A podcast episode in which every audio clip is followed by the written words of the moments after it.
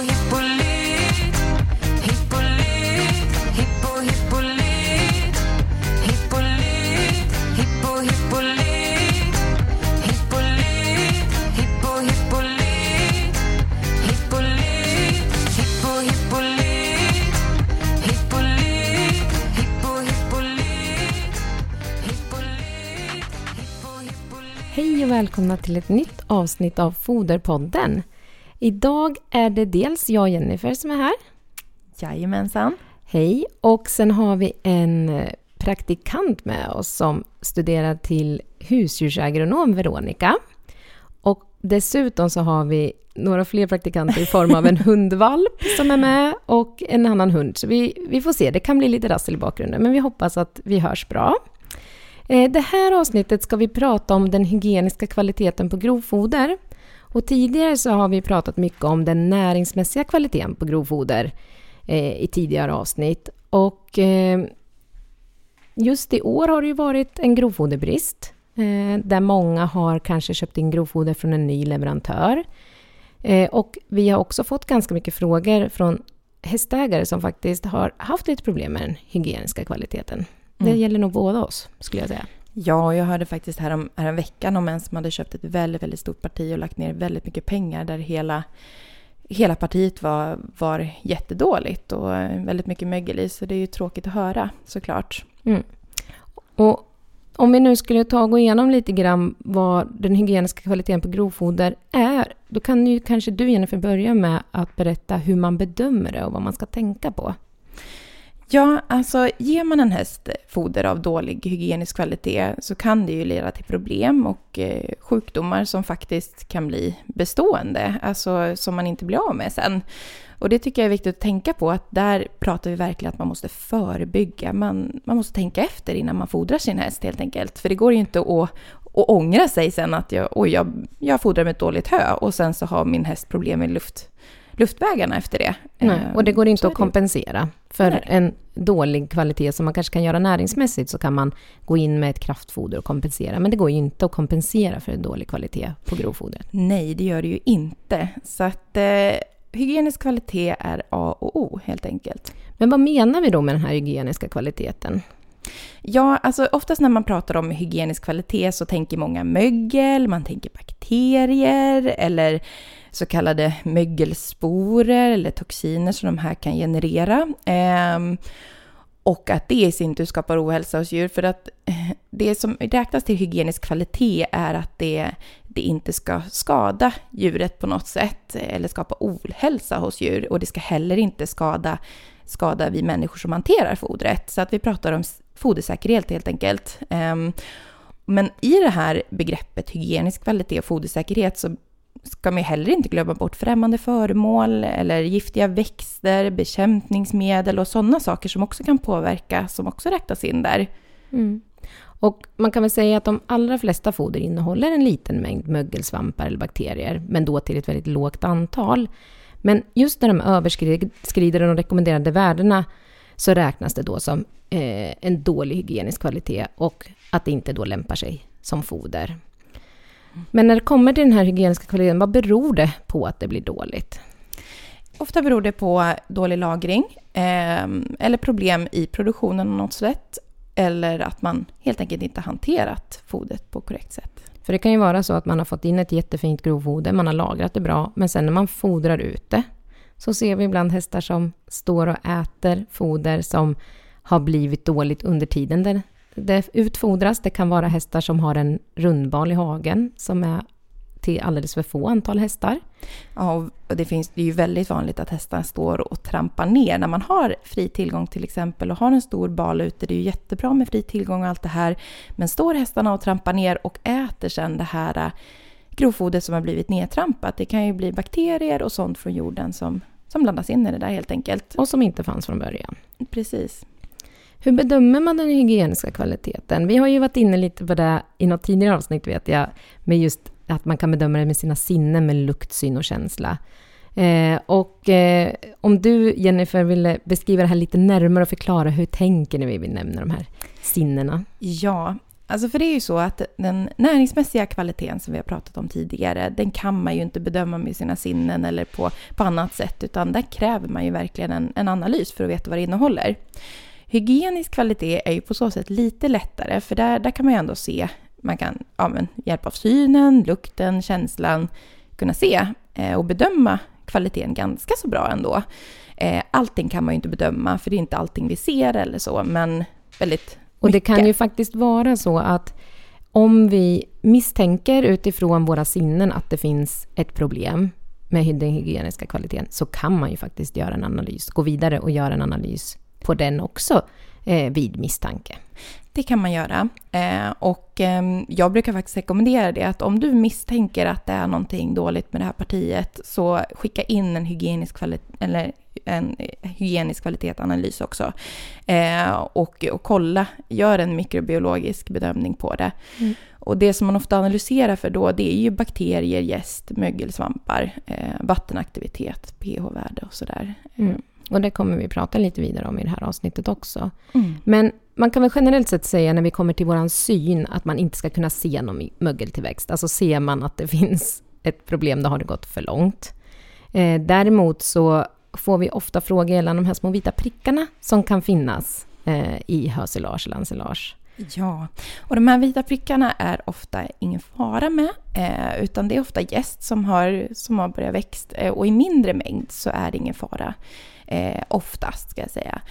Eh, det man ska tänka på är att om gäst har kunnat tillväxa så finns det också risk att mögel har kunnat tillväxa för de trivs i samma miljöer. Eh, och det är ju så också att gäst behöver oftast lite syre för att växa. Så att då är det på något sätt kommit in syre i den här balen. Finns det jästprickar så finns det oftast syre och då finns det även risk för mögel. Så kan man Precis. sammanfatta det. Så kan man sam- sammanfatta det, ja. Och sen är det ju med synen där, eh, till exempel ett dammigt hö kan man ju märka ganska tydligt ibland. Eh, och det kan ju, kan ju ha en liten koppling till det här med mögelsporer. Så då ska man också vara lite observant om höet dammar. Mm. Att det är inte bara så här att mitt hö är lite dammigt, utan det kan faktiskt finnas ett reellt problem där bakom. Mm. Eh, sen kommer vi till lukten och jag älskar att lukta på grovfoder. Man är väl lite nördig. Eh, men grovfoder ska ju lukta fräscht. Det ska, Mm. Alltså ett blött ensilerat grovfoder har ju ofta en lite syrligare lukt. Eh, Ja, det är inte alla som gillar den lukten. Det är Nej. flera gånger jag hör det att, ja men gud, det här blöta ensilaget, det luktar så illa. Jag tycker det luktar jättegott. Jag tycker också Men det, det- luktar gott. Det är lite Eh, olika där. Men man, Mm. man ska inte reagera på lukten. Det ska inte lukta illa eller att eh, det ska fräta i näsan när man luktar på det. Nej, alltså det upplever jag ibland med, med det här höet. Om det dammar och det är lite sådär... Ja, det kan vara lite så här att det, att det sticker, Sticker. nästan lite i näsan. Det liksom fräter nästan. Eh, och då är det ju någonting som är fel. Om vi reagerar på det så är det ju... Det är en ganska bra att, att, att ha det som en litet riktmärke. Reagerar vi på det så kommer hästen också reagera på det, helt klart. Mm. Eh, sen kommer vi till känseln och hur ska man känna sitt foder? Känsel, en känsla är alltid svår att beskriva så här eh, utan att visa eller, eller så. Men alltså, jag, jag brukar ändå känna att eh, känn på ditt, ditt grovfoder och känns det lite simmigt eller slemmigt och sådär, ja, så ska det ju inte kännas, utan då är det ju lite nedsatt kvalitet i det. Eh, och till exempel varmgång kan ju också leda till försämrat eh, och det känns ju väldigt tydligt om man har en bal som har stått öppen ett par dagar och sen när man ska ta så är det riktigt, riktigt varmt. Eh, då, har ju, då är det en mikrobiell aktivitet i det här grovfodret. Exakt, och då ska man ju inte fodra det helt enkelt. Nej. Eh, hur kan då lagringen av grovfoder påverka den hygieniska kvaliteten?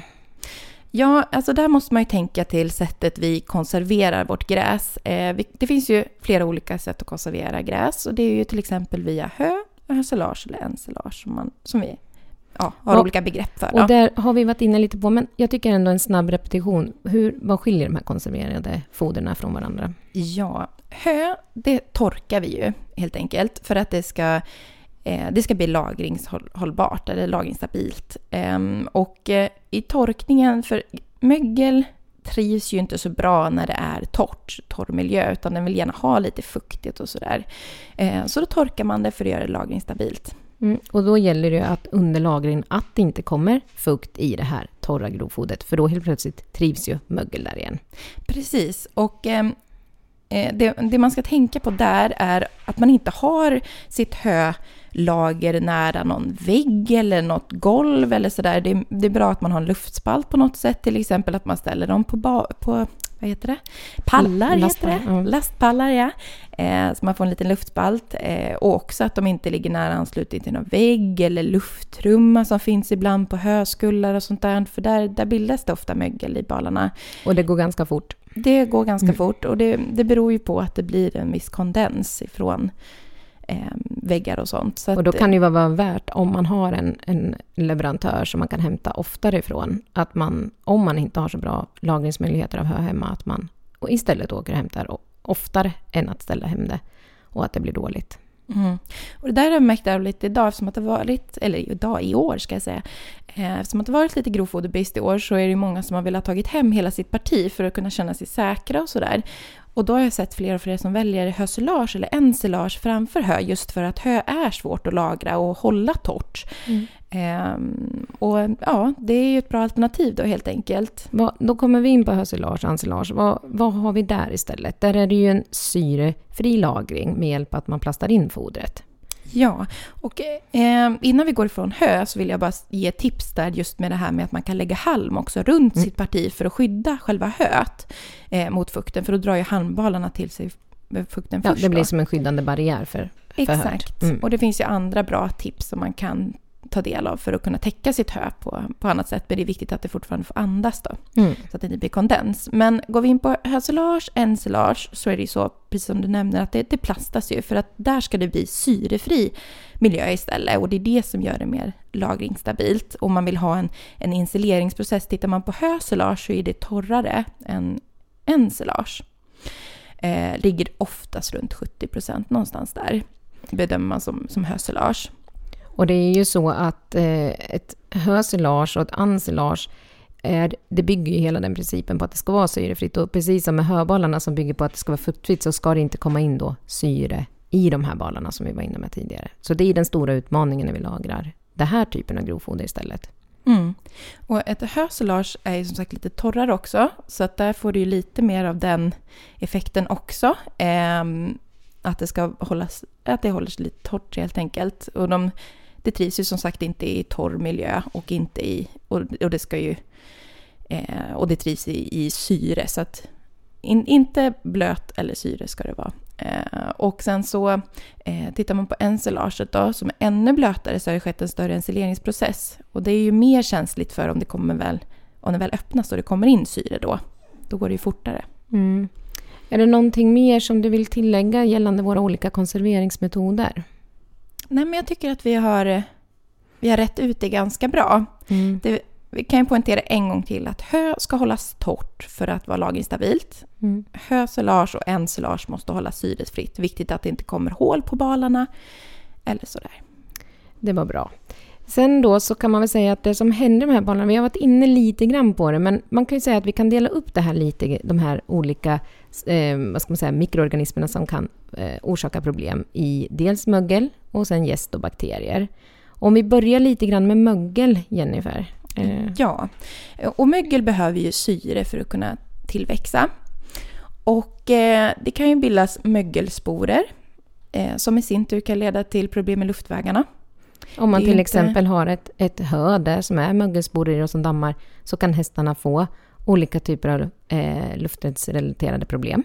Mm. Och det är ju inte ovanligt faktiskt att man har en häst som hostar och man förstår inte var det kommer ifrån och det kommer från ett, ett grovfoder helt enkelt eller som har liksom nedsatt hygienisk kvalitet. Och där ska man ju tänka på om man också använder halm som komplement, eh, att halmen också har en bra hygienisk kvalitet naturligtvis.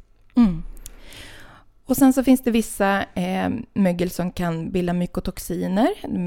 Som kan man översätta som mögelgifter. Eh, och det kan, mm, mykotoxiner kan delas in, det finns olika typer av mykotoxiner och sådär. och Jag ska inte gå in på det jättemycket. Men eh, kan, det här är ju väldigt, väldigt kom- komplext och vi ska inte gå in på det för mycket för då tröttar vi ut er lyssnare tror jag. Men, du får göra ett försök Jennifer. Jag ska göra ett försök. Ehm, Eh, och hästar kan ju drabba av någonting som kallas för mykotoxinförgiftning och det beror ju på hur mycket, hur mycket de får i sig helt enkelt och vilken typ det är, hur, känsliga de är för typen då. Och, eh, men det kan leda till att hästarna kan få problem med nerverna, eh, de kan få problem med centrala nervsystemet, eh, muskler, de kan få problem med leverskador och liknande Mm. saker. Så att det, det är ganska viktigt att, att inte, de får för stora intag De av de kan orsaka ganska stora problem, allvarliga problem. Ja, och det som är svårt med de här är ju att de är svåra att se. Mm. Eh, om vi istället går över till gäst, som vi varit inne på också, så kan vi se gäst. Eh, och de kan ju tillväxa oftast i, i närvaro av syre, men även då i frånvaro av syre. Mm. En annan sak med mykotoxin där eh, är ju också att poängtera att det här kan ju också förekomma i spannmål. Ja, Mykotoxiner. det är ju, och det gäller ju i, i alla de här grejerna, att det är Mm. inte bara vårt grovfoder som ska ha en hygieniskt bra kvalitet, utan det är ju även Allt vårt foder. allt vårt foder som vi använder till hästen ska ha en bra hygienisk kvalitet. Och problem kan uppstå om man lagrar andra foder som spannmål eller kompletteringsfoder på ett dåligt sätt. Mm. Mm. Ja, åter till jäst. Eh, precis som du nämner så finns det olika typer av jäst. Och eh, det man ska tänka på med jäst är att, att det liksom... Eh, finns det jäst så finns det en risk för att det är tillväxt annat som vi inte vill ha i, i vårt foder. Då. Och det kan leda snabbare till att det blir sämre. Mm. Och att det exempelvis bildas varmgång, som vi pratar om, att man känner att det blir, blir varmt i balen.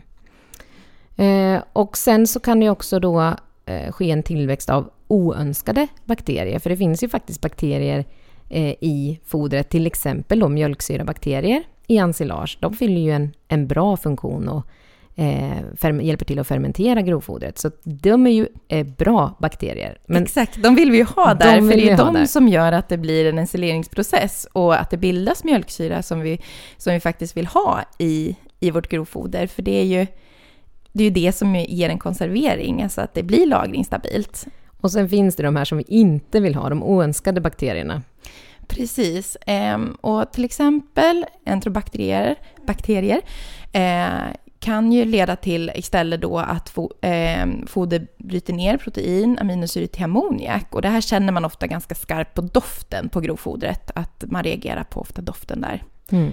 Eh, sen finns det ju klostridier som eh, istället bildar smörsyra till exempel, vilket man också känner ganska tydligt på, på doften av grovfodret. Den blir lite, vad ska man säga, härsk, härsket. Ja, den så. har väldigt, alltså smörsyran har ju väldigt skarp, Mm. skarp doft. Eh, väldigt speciell doft tycker jag. Mm. Eh, så där, där reagerar man ju ofta på att gud, det är någonting som är fel här. Mm. Och då ska man ju inte utfodra då. Nej.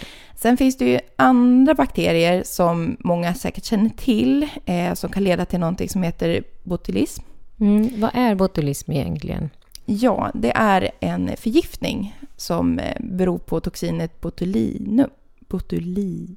Botulin? Gud, jag kan inte prata här. Clostridium botulinum. Ja, precis. Det heter bakterien eh, som bildar det här toxinet. Och eh, det kan ju leda till förlamning eh, hos hästar. Och det är ganska stor risk faktiskt att hästarna kan dö av det här Mm. åkomman. Men den är väldigt ovanlig, vilket är viktigt att lägga till också. Ovanlig men allvarlig och det finns ju ett vaccin för botulism. Men det finns ju olika typer av botulism och vi i Sverige har bara ett vaccin som fungerar för den ena typen. Ja, och vi tänkte inte gå in så mycket på de olika typerna, utan det finns vaccin för det.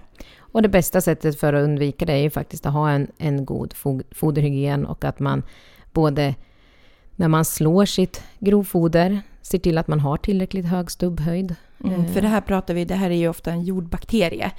Eh, så att man tänker på sådana saker. Mm. Att eh, man vill inte få i för mycket jord och sådana saker, för då ökar ju risken. Mm. Eh, jag tror att vi har pratat om alla olika, eller alla är det absolut inte, men de vanligaste kanske problemen kring mögelgäst och bakterier. Mm. Eh, vad kan man göra då för att undvika, vad kan man göra förebyggande eh, för att slippa eh, att få problem?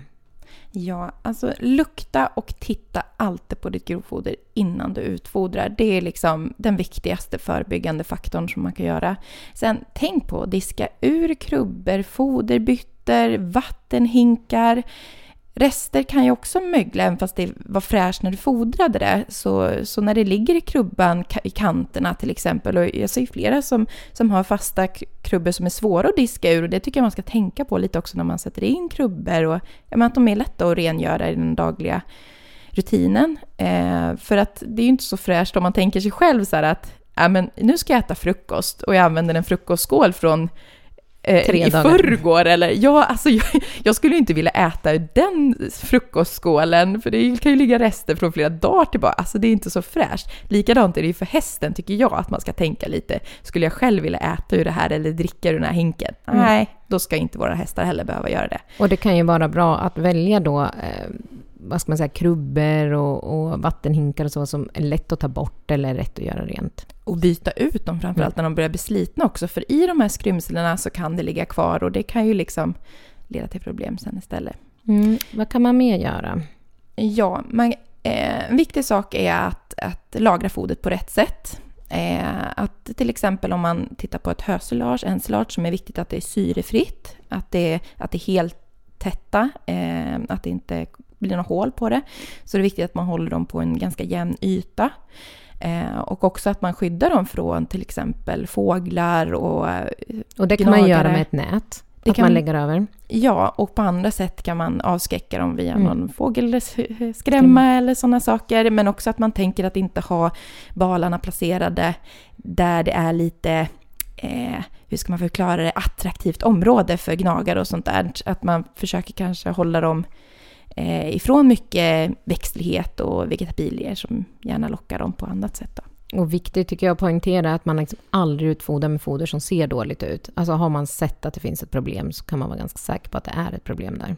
Så Mm. att man är restriktiv med vad man fodrar. Precis, och jag tycker att alltså är en del av fodret dåligt så ska man inte fodra det. Nej, utan då tar man en ny val istället. För det är väldigt svårt att veta hur långt ifrån den aktuella, där, där det finns ett problem, hur långt det har spridit sig i valen. Ja, och som sagt, allting ser man ju faktiskt inte. Nej. Ehm, och sen har vi varit inne lite grann på det här med fodring i hagen som också tycker jag är värt att poängtera en gång till. Att gärna att man ser till att man bygger en foderhäck eller får upp fodret så att man inte har det. Så att hästarna står och trampar ner. Ja, eh, det är ju väldigt enkelt sätt där att få, få upp det lite från marken. Och inte minst ska vi väl tillägga, nu är inte det foderhygien, men det är ju faktiskt också ett sätt att spara på stora förluster av grovfoder. Mm, absolut. Vilket är minst lika viktigt framförallt i år. Vi har ju fått in lite frågor till oss, Jennifer, som, jag Ja. tänkte, som rör det här ämnet, som jag tänkte att vi kanske skulle kunna ta och besvara. Absolut, det låter som en bra idé. Eh, vi har fått ett mejl här, så jag läser. Eh, Hej Jennifer Olin, tack för en bra podd. Hur länge håller en öppnad ensilagebal eller hösilagebal och kan man torka och lufta en öppnad inplastad bal? Ja, hur länge håller en öppen ensilagebar? Det får vi höra fler gånger faktiskt, ganska ofta. Och det beror ju lite på hur blöt, vad det är för torrsubstans i grovfodret. Eh, en blötare bal håller ju inte Eh, lika länge som en torrare. Sen beror det också på omgivningstemperaturen. Är det väldigt kallt ute så håller den ju längre än om det är varmt ute. Ehm, men generellt rekommendationerna som finns är ju 5 till 6 dagar ungefär. Ehm, är ju de som finns. Och det beror ju på, då får man ju se till hur mycket hästar man har. Eh, vilken storlek jag har på balarna? För det finns ju olika storlekar också på balarna. Det finns ju lite mindre. Och så finns det de här större på flera hundra kilo. Så att det... Eh, Anpassa efter antal hästar helt enkelt. Exakt. Mm. Och eh, sen har vi ju fått en annan fråga. Ja, nu missade jag att svara på den andra frågan Ja, där med att du- lufta. Jag går för fort fram. Ja, ehm, och en annan sak att tänka på där med en öppnad ensilagebal tycker jag är viktigt att ser man att har man öppnat en ensilagebal, man har ett antal hästar som går och äter på det, håll koll på balen. Så att man inte liksom låter den stå i en hage och den hinner bli dåligt helt enkelt när den står i hagen. Ehm, Och- Ja, och lufta, torka hö. Eh, absolut, det går bra. Ehm, och men det måste vara torkväder, alltså det måste vara en ganska låg luftfuktighet. Ehm, och sen så eh, ska man vara noga med att verkligen allting torkas och det är viktigt att ta bort all plast, att det inte blir som en liten kondens. Ehm, Det bildas ju gärna kondens på insidan av plasten om det finns kvar plast på balen. Ja, och det tycker jag man ofta ska ha lite som, som rutiner, att man tar bort plasten helt och hållet när man öppnar en ensilagebal. Eh, känner vi att vi har fått med hela svaret där innan jag hastar vidare till nästa fråga? Ja, jag hoppas att, att lyssnaren tycker att den har fått ett bra svar där. Eh, en annan fråga då som vi har fått är gällande en hästägare som har fått in ett orm, eh, det vill säga ett djur, i sin ensilagebal och upptäckte när de har öppnat balen. Ja, det här är faktiskt inte helt ovanligt. Eh, man kan få in olika döda djur. Det kan vara ormar, det kan vara gnagare, det kan vara rådjur ibland, vilket är jättetråkigt såklart, men det kan hända. Och eh, jag rekommenderar att sådana balar bör man kassera. Eh, för risken är ju att det blir bakterietillväxt här. Och eh, då är det ju en stor risk för just den här eh, eh, Clostridium botulinum, alltså botulism och Kaledes botulism. Så att, Som är väldigt allvarligt för hästen. ja, Mm. så det, jag skulle rekommendera att man kasserar den balen helt enkelt. Mm. Eh, jag tycker att vi har fått med det mesta som vi har tänkt oss. Ja, jag har dock en sak som jag tycker att vi har missat lite grann att prata om som vi har ja, stött på ganska ja, men, ovanligt mycket i år gentemot många andra år. Och det är just det här med giftiga växter i, i Ja. foder. Ehm, för att i år 2018, sommaren 2018 som var, så var det ju väldigt torrt. Ehm, jag vet att vi har tjatat om det här i flera avsnitt, men det var ju ovanligt torrt, eh, vilket vi ser faktiskt konsekvenser på nu. Eh, för det är så att eh, det har blivit vanligare med hästar som har fått i sig giftiga växter. Det här skedde ju också då under betesperioden, för hästarna började välja saker som de kanske vanligtvis inte, inte valde. Eh, och sen så har vi sett faktiskt vissa grovfoder som innehåller giftiga växter som har gett att hästarna har fått vissa symptom. Eh, för det som händer då är att de, de blir förgiftade helt enkelt. Och det kan ju leda till neuroli neurologiska problem. Neurologiska. Ja, neurologiska. Gud, vilket svårt ord det var att säga. Eh, men det kan också leda till att de får till exempel fotosensibilitet. Jag hade en häst för bara, vad kan det vara, två veckor sedan som de trodde att det var mugg. Och de har behandlat mot mugg hela tiden och kämpat. Och sen så kom det, kom de, ja, hittade de att det var ju faktiskt fotosensibilitet. Alltså den var känslig för solen på grund av en för, förgiftning den hade fått. Mm. Ehm, så Så det var också ganska vanligt i somras. Ja, Eh, vi såg de det hästarna på som... ovanligt många hästar i år. Mm. Eh, gjorde vi ju. Så att absolut, det är bra att du lägger till det också tycker jag. Ja, och det kan ju också leda till, alltså förgiftning kan ju också leda till leverskador. Eh, att hästarna får diarré, kolik, trötthet, andningsproblem och sådana saker. Så att, eh, och det är ju det är svårt att se när man redan har skördat ett grovfoder till exempel om det är några giftiga växter i. Men Och, de många, och många giftiga växter fortsätter att vara giftiga även efter att man har torkat dem. Ja, Vad säger du nu Jennifer? Är vi klara med dagens avsnitt? Ja, men det tycker jag. Nu tycker jag att vi har tagit upp det mesta av det som, som berör helt enkelt hygienisk eh, kvalitet och vad man ska tänka på gällande det Mm. till sina foder. Men Ja. en sak att poängtera återigen, det här gäller ju för alla foder, inte bara grovfoder utan ditt kraftfoder också. Så müsli, pellets, allt sånt är ju också viktigt. Det ska ju lagras torrt, att man tänker på det. Mm. Ehm, torrt och, och i bra temperatur, inte för varmt. Mm. Jättebra, men du, då tackar vi Jennifer. Eh, Jag tycker vi har tagit oss igenom det här bra trots allt. Eh, med praktikanter som har hållit sig lugna. Eh, vi återkommer i ett senare avsnitt. Ja, tack så jättemycket för att ni lyssnade på oss. Tack, hej. Hej! Vi glömde ju att nämna våra kontaktuppgifter för självklart vill vi fortfarande ha frågor och att ni kontaktar oss om ni funderar på någonting eller om det var någonting oklart i vårt avsnitt. Eh, kontaktuppgifterna är info hippolyt.se och vill ni ringa oss så ringer ni oss på 0413 486 100. Ha det så bra, hej då!